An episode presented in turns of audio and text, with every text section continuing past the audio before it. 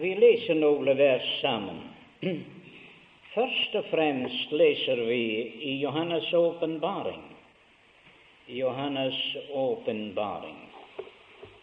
Det er kapitlet 21. Vi leser fra kapitlet 21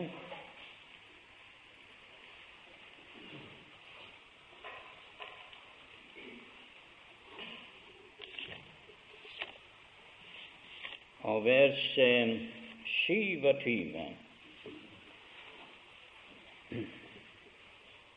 Og intet urent skal komme inn i den, og ingen som farer med stygghet og løgn, men bare de som er innskrevet i livsens bok hos Lammet kapittelet 22 og vers 14. Salige er de som tvetter sine kjortler, så de må få rett til livsens tre, og gjennom portene komme inn i staden. Les nå i Hebreerbrevet brevet til hebreerne og i det første kapittel Det første kapittel, brevet til hebreerne. Og vi leser fra første vers. Efter at Gud fordom hadde talt mange ganger og på mange måter til eh, fedrene ved profetene, så har Han i de siste dager tatt til oss ved Sønnen, som Han har satt til arving over alle ting, ved hvem Han òg har gjort verden.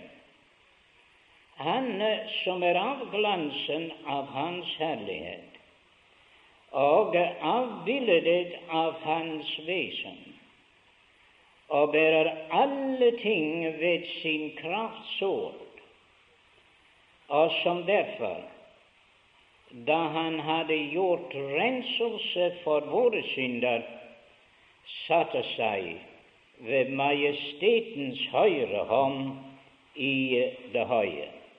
Nå les i kapitlet 9 også, eh, det niende kapittel, samme bok, Hebreerbrevet, og niende kapittel.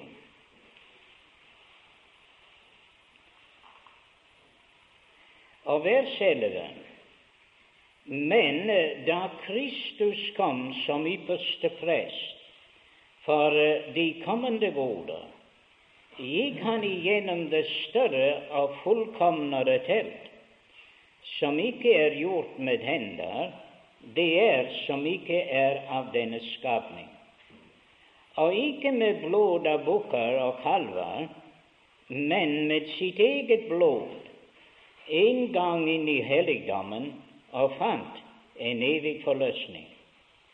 For så sant blodet av bukker og okser og asken av en kvie, når den sprenges på det urene, helliger til kjødets renhet, meget mere skal da Kristi blod, Han som ved en evig ånd bar seg selv frem som et ulastelig offer for Gud, rense eders samvittighet fra døde gjerninger til å tjene den levende Gud.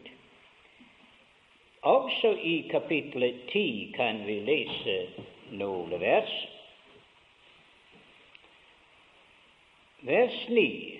Så har han derfor sagt, se, jeg kommer for å gjøre din vilje. Han tar det første bort for å innsette det andre.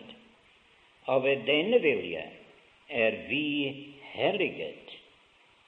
Helliget ved ofringen av Jesu Kristi legeme en gang for alle. Og hver prest står daglig og gjør tjeneste og bærer mange ganger frem de samme offer, som dog aldri kan bortta synden. Men han har frembåret et, et offer for synder, og har derfor for all tid satt seg ved Guds høyre hånd. Og nå venter han bare på at hans fiender skal legges til skammel for hans føtter. For med ett offer har han for alltid gjort dem fullkommen som bliver hellige. Nå Vi lese et par vers videre. Til eksempel, vi kan lese i um,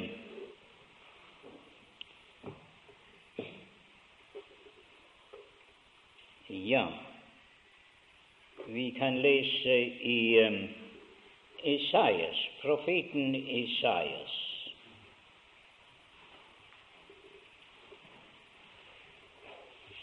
I det første kapittel, profeten Isaias, og vi kan lese fra vers 16. Tvett eder, rens eder. La eders onde gjerninger bort fra mine øyne. Hold opp og gjøre det som er ondt. Lær å gjøre det gode. Legg vind på det som er rett. Vis voldsmannen på rett vei. Hjelp den faderløse til hans rett, før enkens sa, Kom, og la oss gå i rette med hverandre, sier Herren. Og med oss synder er som purpur, skal de bli hvite som sne. Om de er røde som skarlagen, skal de bli som den hvite ull. Er de villige å høre, skal de ete landets gode ting, men er de uvillige og gjenstridige, skal bli oppgitt av sverdet, for Herrens navn munn har tatt.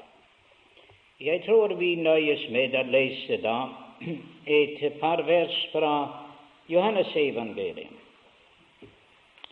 Johannes evangelium og det trettende kapittel, og der i det tiende vers. Jesus sier til ham, den som er badet, trenger ikke til å vaske annet enn føttene, men er ren over det hele. Og i er rene, dog ikke alle. For han visste hvem det var som skulle forråde ham.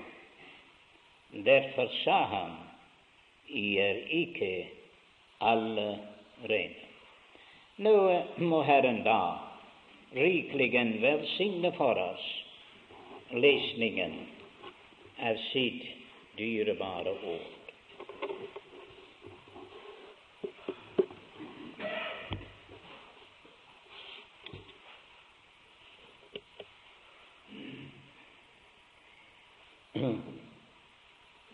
De aftener som vi har vært sammen, jeg tror at den tanke det har vært for oss, har vært de grunde sannheter i evangeliet.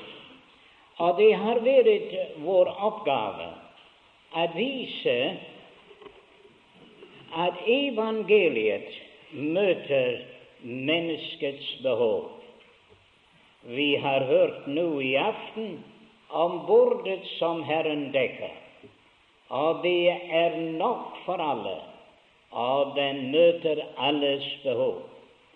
Så evangeliet er egentlig Herrens båt, hvor Han dekker med alle de nødvendige ting for oss mennesker.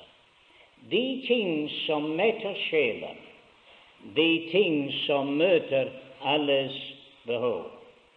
Og Derfor var det at vi hadde frem den store sannhet om at Kristus er den som vi kan bygge vårt håp på for tid og for evighet.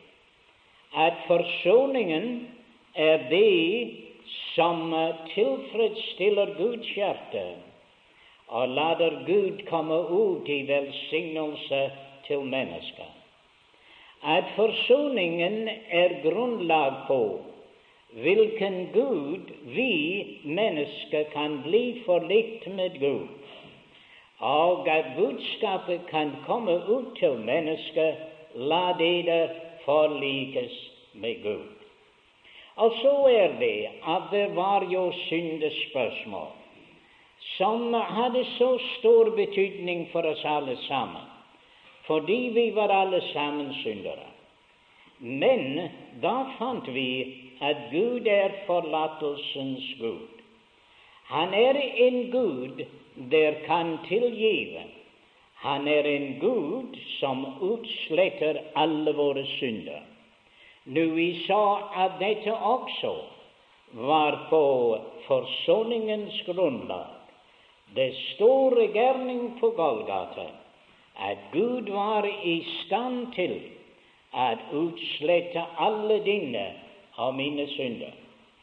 Men vi kunne ikke stå for Gud bare avkledd, med skitne klær tatt fra oss, som vi sa i Josva. Men vi må blive iført høytidsklær. Vi må være velkledd når vi skal inn for Gud. Gud var meget nøye med hvordan prestene de var iført klær når de skulle inn i Guds nærværelse. Og vet De, mine venner, Gud er nøye med dette at de som kommer nær til ham, at de er velkledd. En mann trodde han kunne klare å komme til bryllupet i det som han selv hadde kjøpt eller gjort, men det lot seg ikke gjøre. Til den der innbudt til bryllup, han også gav dem den kledning de skulle ha når de kom der. Og derfor er det at vi så at Gud i sin store nåde, han kleder hver eneste synder. Han kleder oss så vi kan stå for Gud. Det gjorde han med Adam og Eva, og han iførte dem skinnkåper. De var tilfreds med fikenblader men fikenblader kan aldri tilfredsstille Gud. De måtte iføre skinnkåper. Blodet måtte flyte, og de stod iført det offer, skinn, som hadde givet dets liv for dem. Og så er det da at vi fant at rettferdiggjørelse er det at Gud ifører oss Kristi rettferdighet, ikke mindre enn dette, sin egen rettferdighet. Og derfor er vi ren og rettferdig, himmelen verdig. Det er velsignet å vite dette, at Gud kleder sine gester for det herlige bryllupssal. Så, kjære venner, det er jo noe til evangeliet. Der møter alles behov. Og derfor syntes jeg vi burde fryde oss og glede oss i dette herlige og velsignede budskap som Gud har skjenket oss i Kristus Jesus. Men det er jo noe der heter himmelen. Og så mange mennesker de tenker på at en gang når alt er overstått her, at så ville det være herlig, og så ville det være godt at kunne komme til himmelen. Vi er noe som den lille piken. Børnene de lekte jo og de lekte at det var et tog. De kjørte med tog. Og den Gud som uh, ordnet det hele og var konduktør, når han kom til de forskjellige stasjoner Da ropte han opp navnet på den stasjonen. Men hans geografi var ikke så vidtstrekt, så han ble, hadde snart oppbrukt alle de stasjoner han kunne tenke på. Men så kom han til da han manglet et, eh, en stasjon. Eh, da sa han 'Himmelen', sa han. Og vent, sa en lille pike, 'jeg skal av her'. Ja, selvfølgelig. Vi vil alle sammen av det. Vi ønsker alle sammen en gang å være i himmelen på himmelens gave. Åpenbaring fortelles om dette sted, men den kan ikke fortelle oss hva det er der. Det er jo det merkelige at himmelen er et så herlig sted, og de ting som Herren har beredt for dem der elsker Ham, det kan ikke fortelles. Det var jo det som Paulus var bortrykket til himmelen. Og vi hadde ventet han skulle fortelles en hel del av hva det Han sa det var ikke lovlig, eller det var umulig for mennesketunger å beskrive den herlighet i himmelen. Men han forteller oss hva det ikke var der.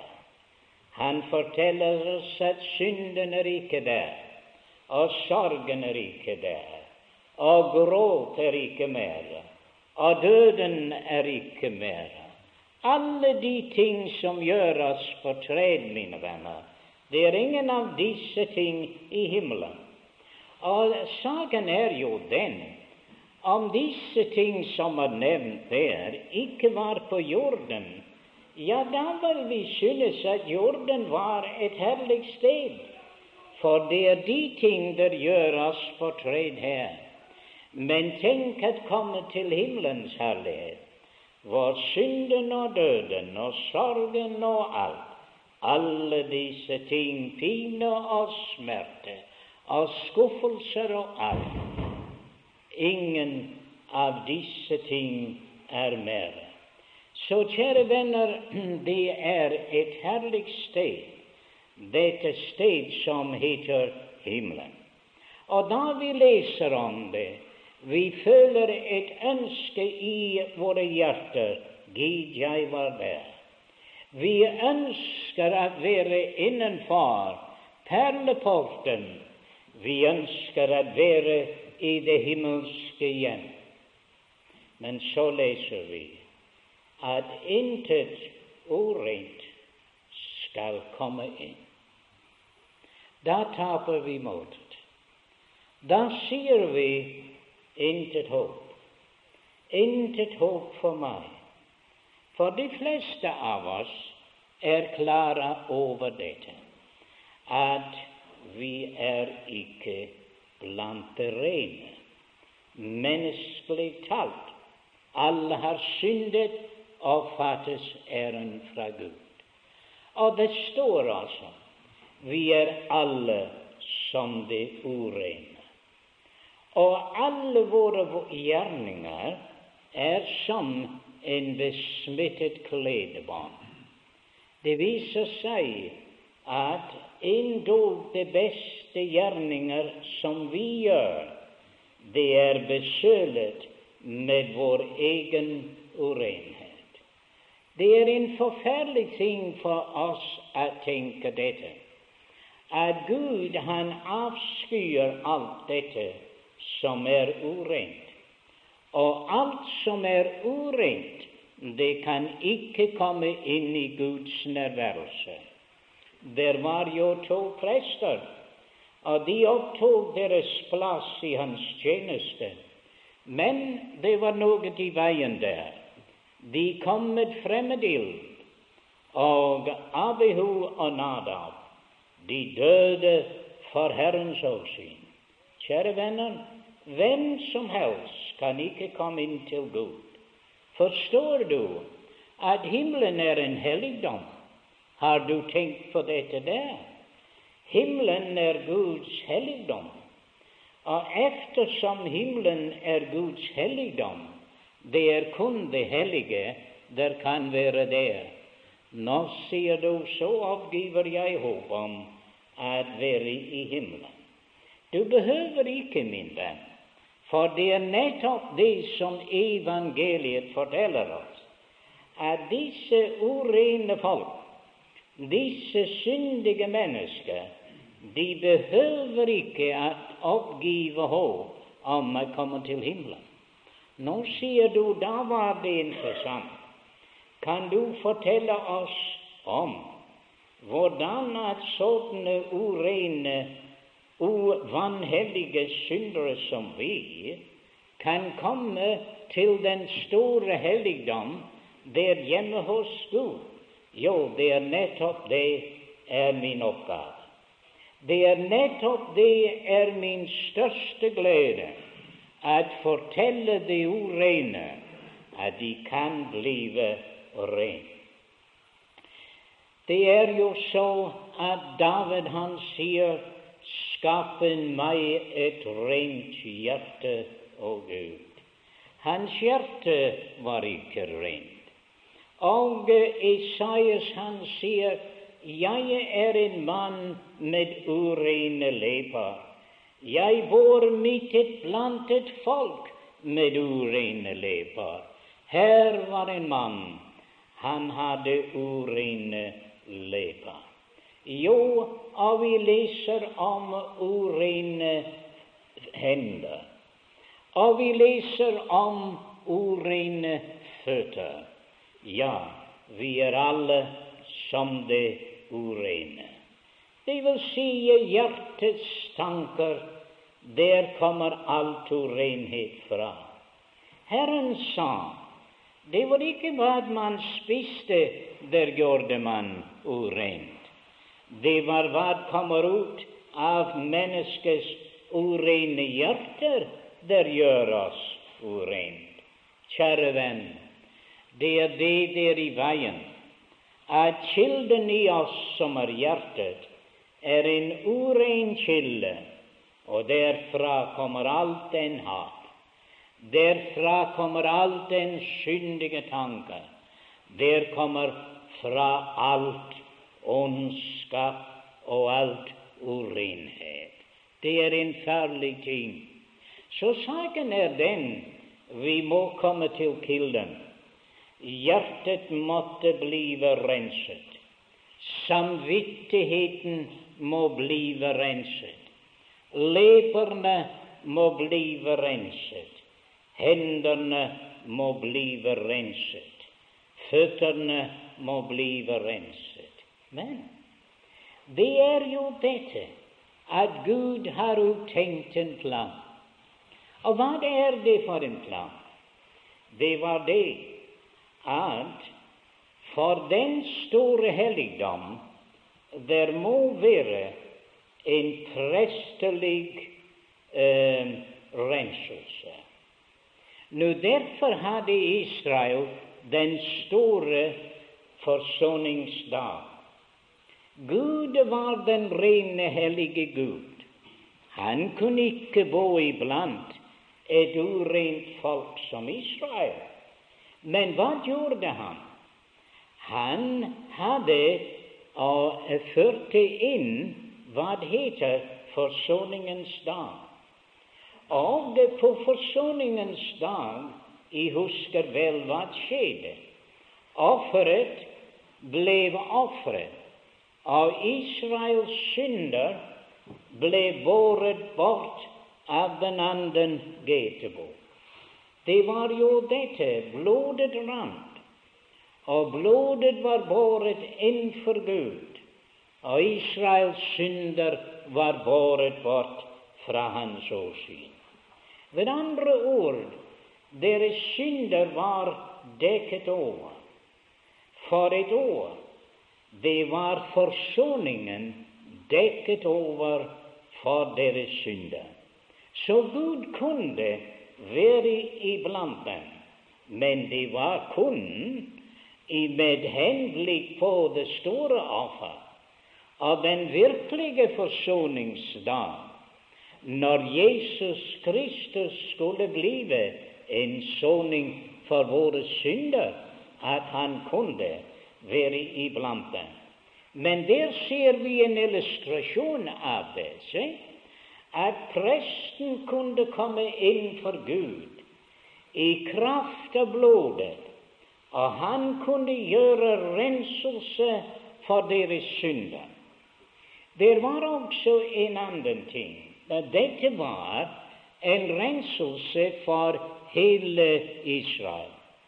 Men i Fjerde Mosebok eh, der var en annen renselsesprosess. Det var en rød kvie som ble taget utenfor leiren. Og utenfor leiren der ble den drept. Blodet rant. Og dette offer, da ble den ofret og brent til aske og vandret fra dette der. De kalte det for renselsesvann. Men dette var for de personlige feiler. Se? Forsoningens dag var for hele nasjonen. Men dette det renselsesvann det var for det daglige feilet og synd av Israel.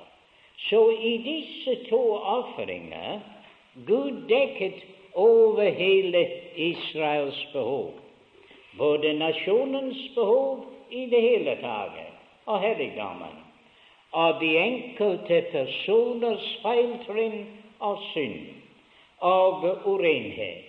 Alt hadde han tatt i betraktning.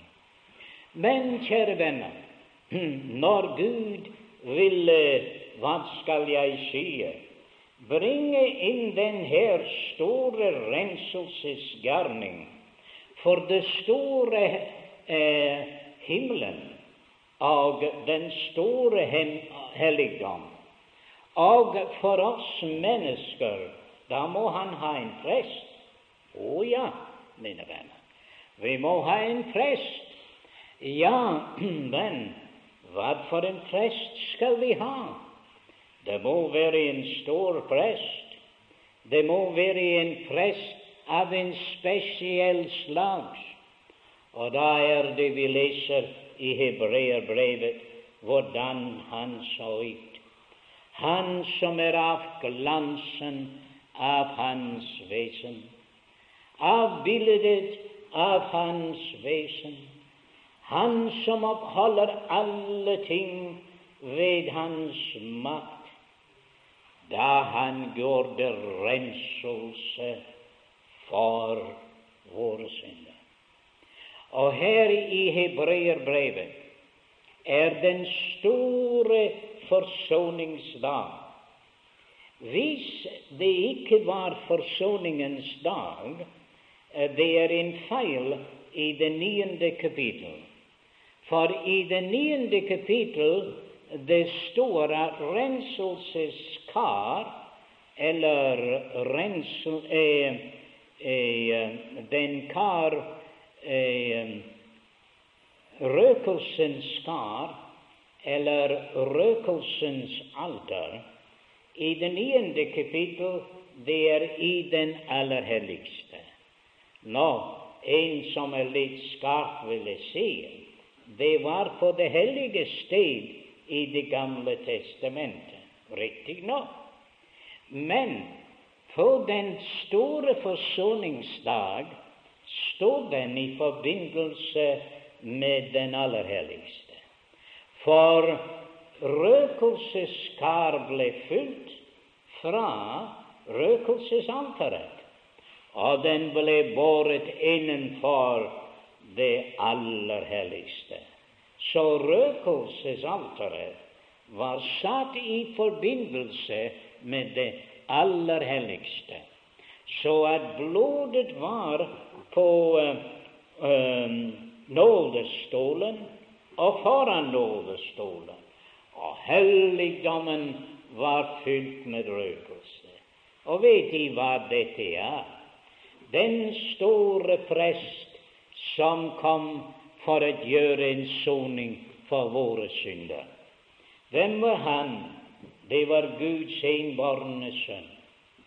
Han var ikke en prest på det jordiske måte, for han var ikke av Levis stamme. Han var av Judas stamme. Men han var en prest som hebreerbrevet sier efter Melkesediks vis. Og Melkesedik er den største prest vi leser om i Det gamle testamentet. Meget større enn Aron, for han er innsatt av Gud som en prest, og han har et evig presteskap. Han var en prest som kunne bringe et fullkomment offer og kunne fullkommen hellige sitt folk. Og det er dette det er den store lærdom i hebreerbrevet. Les det, mine venner. Studere det, og du vil si, se dette. At Jesus Kristus var den fullkomne prest. Og som den fullkomne prest han brakte et fullkommen offer. Dette offer var ham selv. Og han utgøte det hellige blod, hans eget dyrebare blod.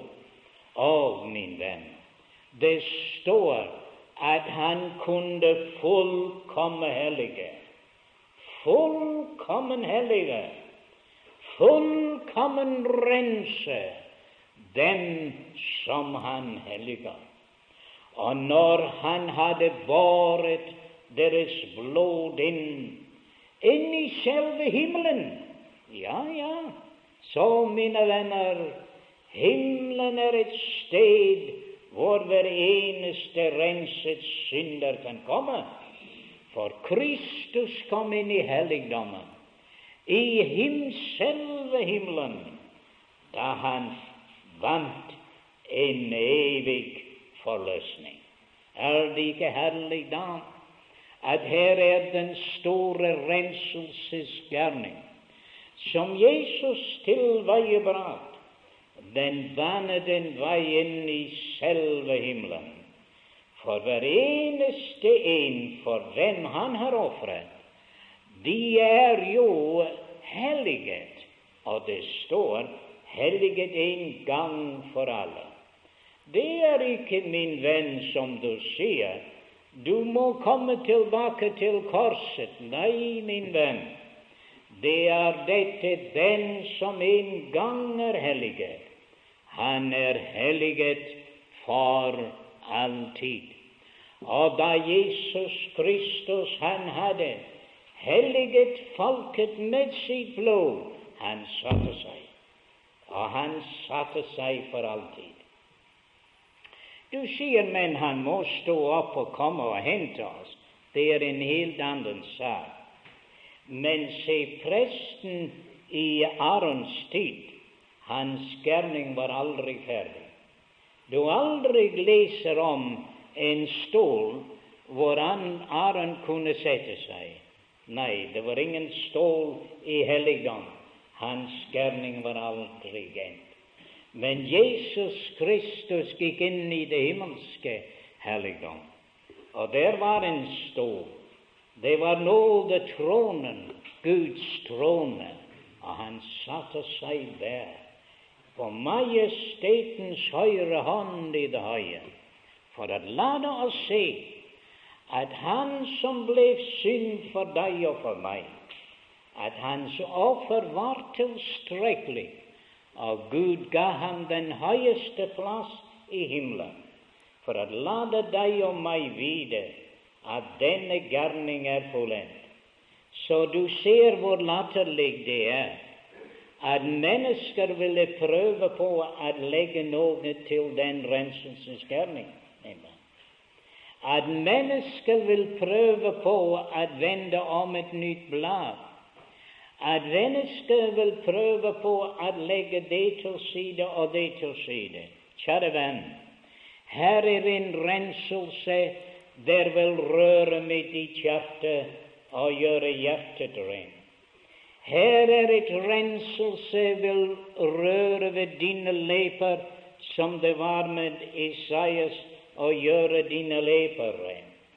Her er en renselse, det vil gjøre dine hender ren. Her er en renselse, det vil gjøre dine føtter ren. Her er en renselse som rører ved din samvittighet, og giver deg en ren samvittighet, fordi at Jesus Kristus, han er det store melkesedet, der brakte et fullkommen renselsesoffer for deg og for meg. Er du villig å ta skrittet, min venn? Er du villig at legge ditt håp for tid og for evighet på det store renselsesgjerning på Golgata? Vil du våge det? Jeg er glad at en gammel broder som vi hadde i Skottland, at han ikke er her for han ville avbryte meg øyeblikkelig. Han ville si det er ikke noe der heter et vovestykke i forbindelse med det. Nei, mine venner, det er aldeles sikkert, aldeles fullkommen, og der ingen har noe å takke som overlater seg helt og holdent til det fullkomne offer på Golgata. Så, min venn, I seek no other argument.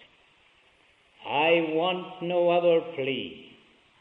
It is enough that Jesus died, and that He died for me. Jeg ønsker ingen annen argument. argument. Jeg ønsker ingen annen forsvar. Det er nok at Jesus døde, at han døde for meg. Det er der hvor vi skal hvile. Her er en renselse som er aldeles fullkommen. Og min venn, det er en renselse der dekker alt. Herren kom for å vaske Peters føtter. Og da han kom, så sier Peter, du skal aldri i evighet vaske mine føtter.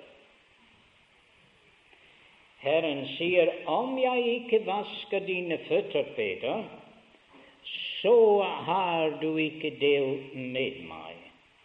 Når du legger merke til, han sa ikke, du har ikke del i meg. Han sier, du har ikke del med meg. Og derfor var det at Herren sa til Peter da hva jeg gjør nå, forstår du ikke, siden skal du forstå. Men Herren sier disse ord Den som er badet se, Den gang vi gikk til et badested, og de badet men på veien hjem ble føttene eh, smutsige. Så når de kom hjem, så må de vaske føttene. Men de behøvde ikke å bade seg over det hele. Det var gjort, ikke sant? Så Herren sier til dem, den som er badet, han behøver ikke annet enn å vaske føttene men er ren over det hele. Og I er rene, men ikke alle. Du sier, hva vil dette si? Det vil jo si dette at han betraktet, betraktet disiplene i det gode av den store renselse på Golgata. Han sier det er et bad hvor man er badet over det hele. Og I er ren. I er ren, men ikke alle. Han mente Judas var der. Se? Og den som sier at Judas var en kristen og falt fra, de tager veldig feil. For Herren sier han hadde ikke vært badet. Se? Den som hadde vært badet, han var ren over det hele, selv om han fikk snausete føtter.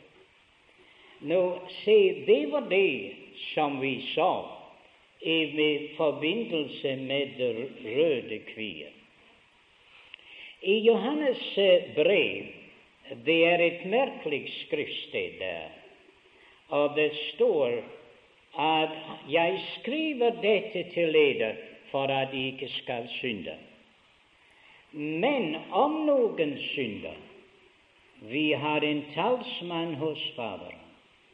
Jesus Kristus den rettferdige, og han er en soning for våre synder, men ikke bare for våre, men for hele verden. Du sier, hva er dette for noe? Du sier, jeg kan godt forstå dette, at når jeg tror på Jesus, så er jeg badet. Jeg er badet i Golgatas bad, og så er alle mine synder sonet. Men det er ikke det det bekymrer meg, sa en til meg. Det er de synder jeg har begått siden jeg ble omvendt. Nå, sa jeg, er det dette det er vanskeligheten? Ja, sier hun, det er vanskeligheten. Så sier jeg, hvor mange synder hadde du begått da Jesus døde på Golgata? Nei, hun var jo ikke født da, og hun hadde ikke begått noen synder. Så han må ha visst allerede om dem, ikke bare dem som hun begikk før omvendelse, men også dem hun begikk etter omvendelse. Se, det er jo noe her. Han er en soning for våre synder. Vi synder, de troende synder, og for hele verden. Ja, altså for det. Se, det er dette at det er en feil uh, fremstilling med disse ting. Noen de mener og sier nå, når man er renset ja, så kan man synde så mye man vil, som en sa til meg. Ja, men, sier jeg, hvis jeg skulle synde så mye jeg vil, så vil jeg slett ikke synde. Nei. Men det er dette at synd som er sonet, også for våre synder. Så derfor er det at den som er badet, han er ren. Men vi er i denne verden. Vi kommer i forbindelse med denne verden. Vi ser så mange ting i denne verden, hører så mange ting i denne verden. Ja, og disse ting gjør oss urene, fordi ikke hva vår store frelse angår, men det er ting der forstyrrer vårt samfunn med Herren. Derfor vi må vaske våre føtter. Så det står i denne salme hvorledes skal den unge holde sin sti ren ved å holde seg efter ditt ord. Og derfor sier Johannes, jeg skriver dette til dere, for at de ikke skal synde. Men skulle det hende at noen synder, så skal jeg si hva vi har en talsmann hos Faderen. Det vil si at vi kan komme til Faderen. Og legg merke til det står ikke en talsmann hos Gud. Nei, nei. Det er den der leser det er en talsmann hos Gud, men det er ikke det. Det er en talsmann hos Faderen. Se, Faderen forhold opphører ikke fordi at en har gjort en eller en annen feil eller synd. Nei, han er ennå min Fader. Om jeg feilet mot min Fader, eller syndet mot min jordiske Fader, jeg ble fremdeles hans barn, men jeg var i denne tid et ulydig barn. Og det galt for meg å få dette forhold rettet med å bekjenne det for ham, og så er det her. For om vi bekjenner våre synder, da er Han trofast, og Han er rettferdig. Se, det er en herlig ting å leve i sånn samfunn med Gud at du kan komme til ham og du kan si 'Fader, jeg gjorde det og det'. Og han er rettferdig, og han vil tilgive oss. Fordi når Kristus døde på Golgata, han tok hele regningen. Men du og jeg vil ikke gjøre ham den sorg at vi vil like frem leve i det gamle liv for deg? Nei. Og du skal finne at dem der forstår dette, de er nettopp dem der søker at leve i samfunn med Herren dag for dag, og vende seg fra kjødets gjerninger og følger vår velsignede Frelser og Herre. Se, det er dette. Golgata gjelder for de synder før omvendelse, men Golgata gjelder for de synder etter omvendelse. Om vi vil holde vårt samfunn med Faderen, da er det det vi vasker våre føtter og vi hjelper hinanden også med det. Og det er jo forskjellige måter.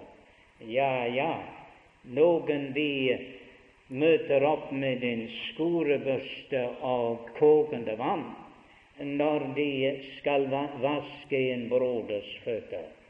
Men eh, det er kanskje ikke den beste måten.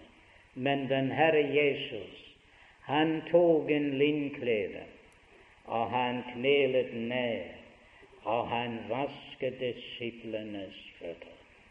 Han sier, 'Den som er badet, han behøver ikke annet enn vaske sine føtter.' Og han sier, 'Vi kommer i berøring med verden, og vi trenger til å holde føttene rene.' Jeg har gjort eder rene over det hele. Peter han kunne ikke forstå at Gud kunne gjøre alle disse urene syndere rene. Og han vil ikke gå til Kornelius' hus uten Gud hadde forberedt ham.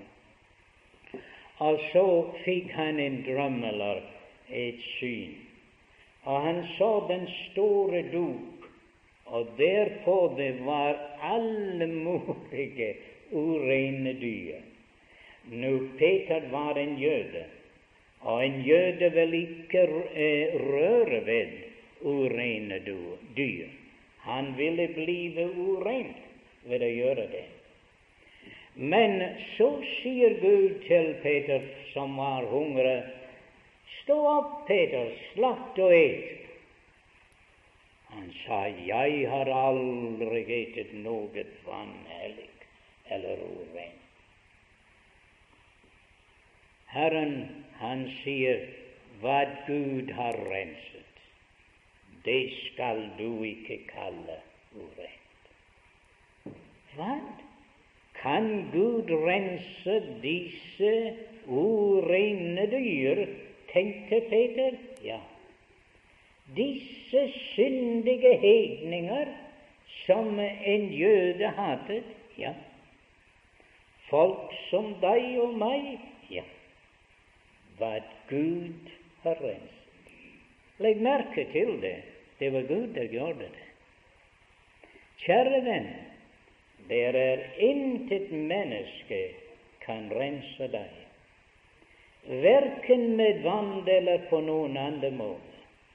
Ti, Gud Jesu Kristi, Hans Sønns blod, renser oss fra all synd. Det er ingen annen måte. Det er forsoningen. Det er den store renselse på Golgata, og det er Gud der må rense deg. Og lovet være Gud, han vil rense hver eneste synder som kommer. Er det ikke en herlig tekst, den, i Esaias 1 og 18? Om eders synder er som purpur, de skal blive som ull. Hvis de er Jeg glemmer nå. Om eders synder er som purpur, skal de bli hvite som sne. Er det røde som skarlagen, skal de bli som ung. purpur, ja, de er og skarlagen, de er de farver som det ikke er lett å fjerne. Men det er intet umulig for Gud.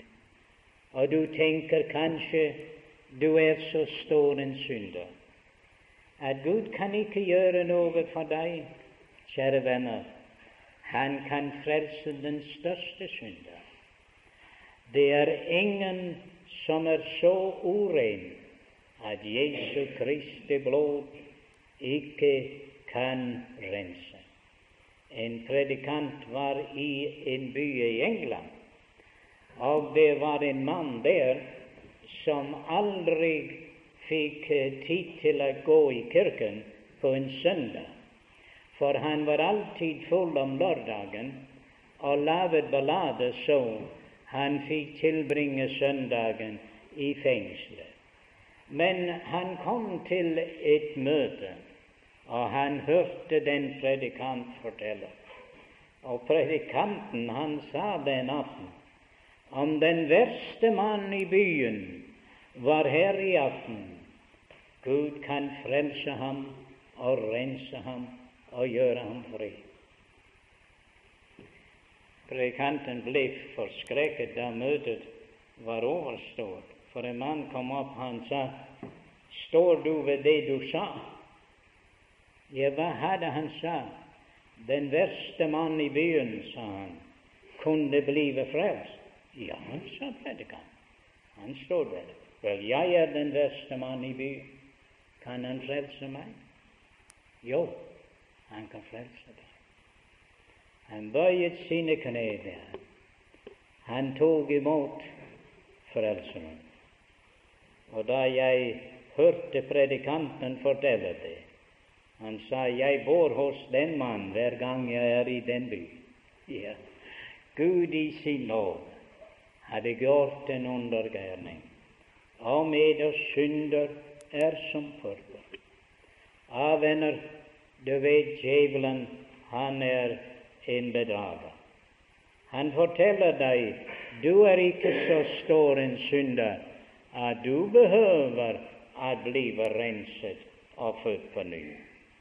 Men så kommer han til en annen og sier, men du, du er så stor en synder. Det er ikke noe håp for deg. Men han lyver, venn. Hver behøver rensning i Kristi blod. Og ingen er så stor en synder som han ikke vil ta imot ham. Og jeg tenker på en mann på Færøyene som kom til møtene vi hadde. Gud talte til hans hjerte, og han var ute på, på fjellene og så efter fårene. Men han var så overmaktet. Men Satan sa til ham, du, Thomsen, du du, du, du er så stor en synder, du kan ikke blive frelst. Men da kom et ord til ham, men røveren på korset ble frelst. Og han falt på kne der på det færøyske fjell, og han overgav seg Herren, til Herren. Det er mange år siden. Godse Thomsen har vitnet hele sitt liv efter det. Og jeg jublet da jeg kunne høre ham si Ja, Herre, men røveren på korset ble frelst. Så var det også håp for ham. Han sier om eder synder er som purpur, skal det blive hvit som sne. Er det som skarlagen, det skal blive som ull. Det er kraft i Jesu blod. Jesu Kristus, Hans Sønns blod, renser oss fra all synd. Og det var dette at Han som helliger, og de som helliggjøres for at renses og helliggjøres, det er jo den samme tanken. Og han er helliget. Hva vil de si? Han er skikket for himmelen. Min venn, intet urent skal komme inn men den som er helliget i Jesu Kristi blod. De har tvettet deres klær og gjort dem hvite i landets blod. Derfor kan vi gå igjennom porten inn i staden. Ja, derfor kan vi ete av livets tre. Kjære venn, Porten er åpen for hver eneste synder der tror på Jesus. Porten er åpen for hver eneste en. Det er renset i lammets blod. For det er dette som han forteller oss, at han skulle fremstille oss uten plett eller rynke eller noe sånt. Tenk hva den store forsoningsgjerning kan gjøre. At han skal løfte opp disse urene. For om du husker at den her duk der ble eh, der kom ned fra himmelen tre ganger til Peter og Gud sier hva Gud har renset, skal du ikke kalle urent. Og den dop, den gikk opp til himmelen.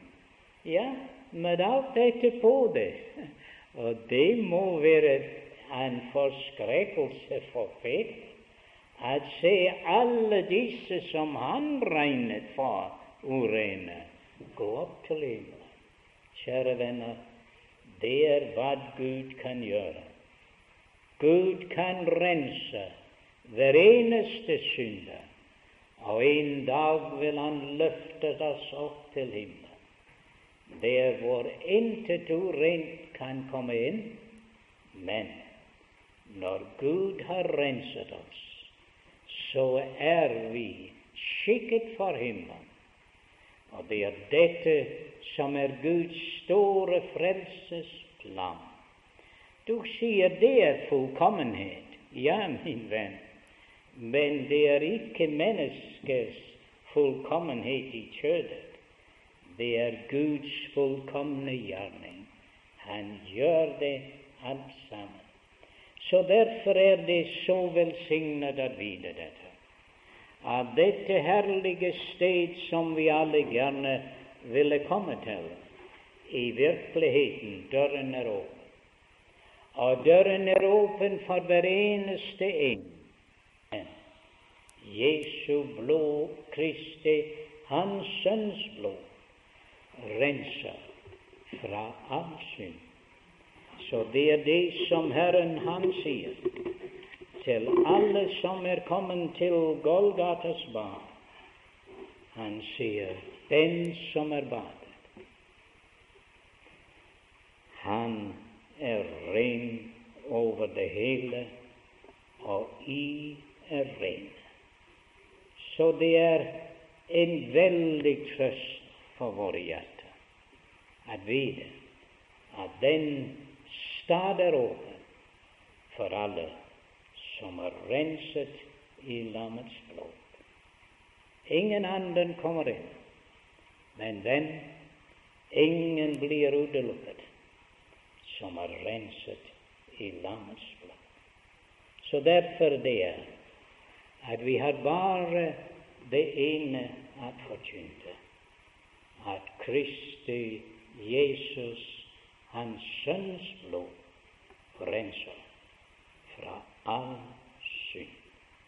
Så må Herren velsigne sitt ord for hvert hjerte. Og vi som allerede har tatt imot det, og hvor det giver oss styrke og glede at vandre for ham her i denne verden. Men skulle det være en som ennå ikke er kommet, og lagt deg helt ved Kristi føtter, taget imot rensning i Kristi blod, kom i aften min venn. Den rensning er for deg. Den himmel er for deg. Han gjorde renselse for våre synder, og han satte seg ved majestetens høyre hånd i høye. Må Herren velsigne sitt ord. Amen. Fader, vi er bøyet for deg, og dette er jo for oss et veldig under At denne herlige stad som har en sånn tiltrekning for våre hjerter, at den stad skulle være lukket for oss fordi vi var urene. Men å, Fader, vi takker for det rensende blod fra Golgates kors. At det er en kilde der åpen for synd og for urenhet der i Golgates kors i Jesus side. Takk, Fader, for det rensende blod. Takk for at du har gjort oss ren i Jesu Kristi blod, gjort oss ren og rede for himmelen. Så Herre, velsign ditt ord, og la det være til frelse for en eller en aften en annen i denne aftensstund. Må ta vår takk, og la din velsignelse være over oss i de aftener som ennå står foran oss i ditt navn. Må ta vår takk i Jesu navn. Amen.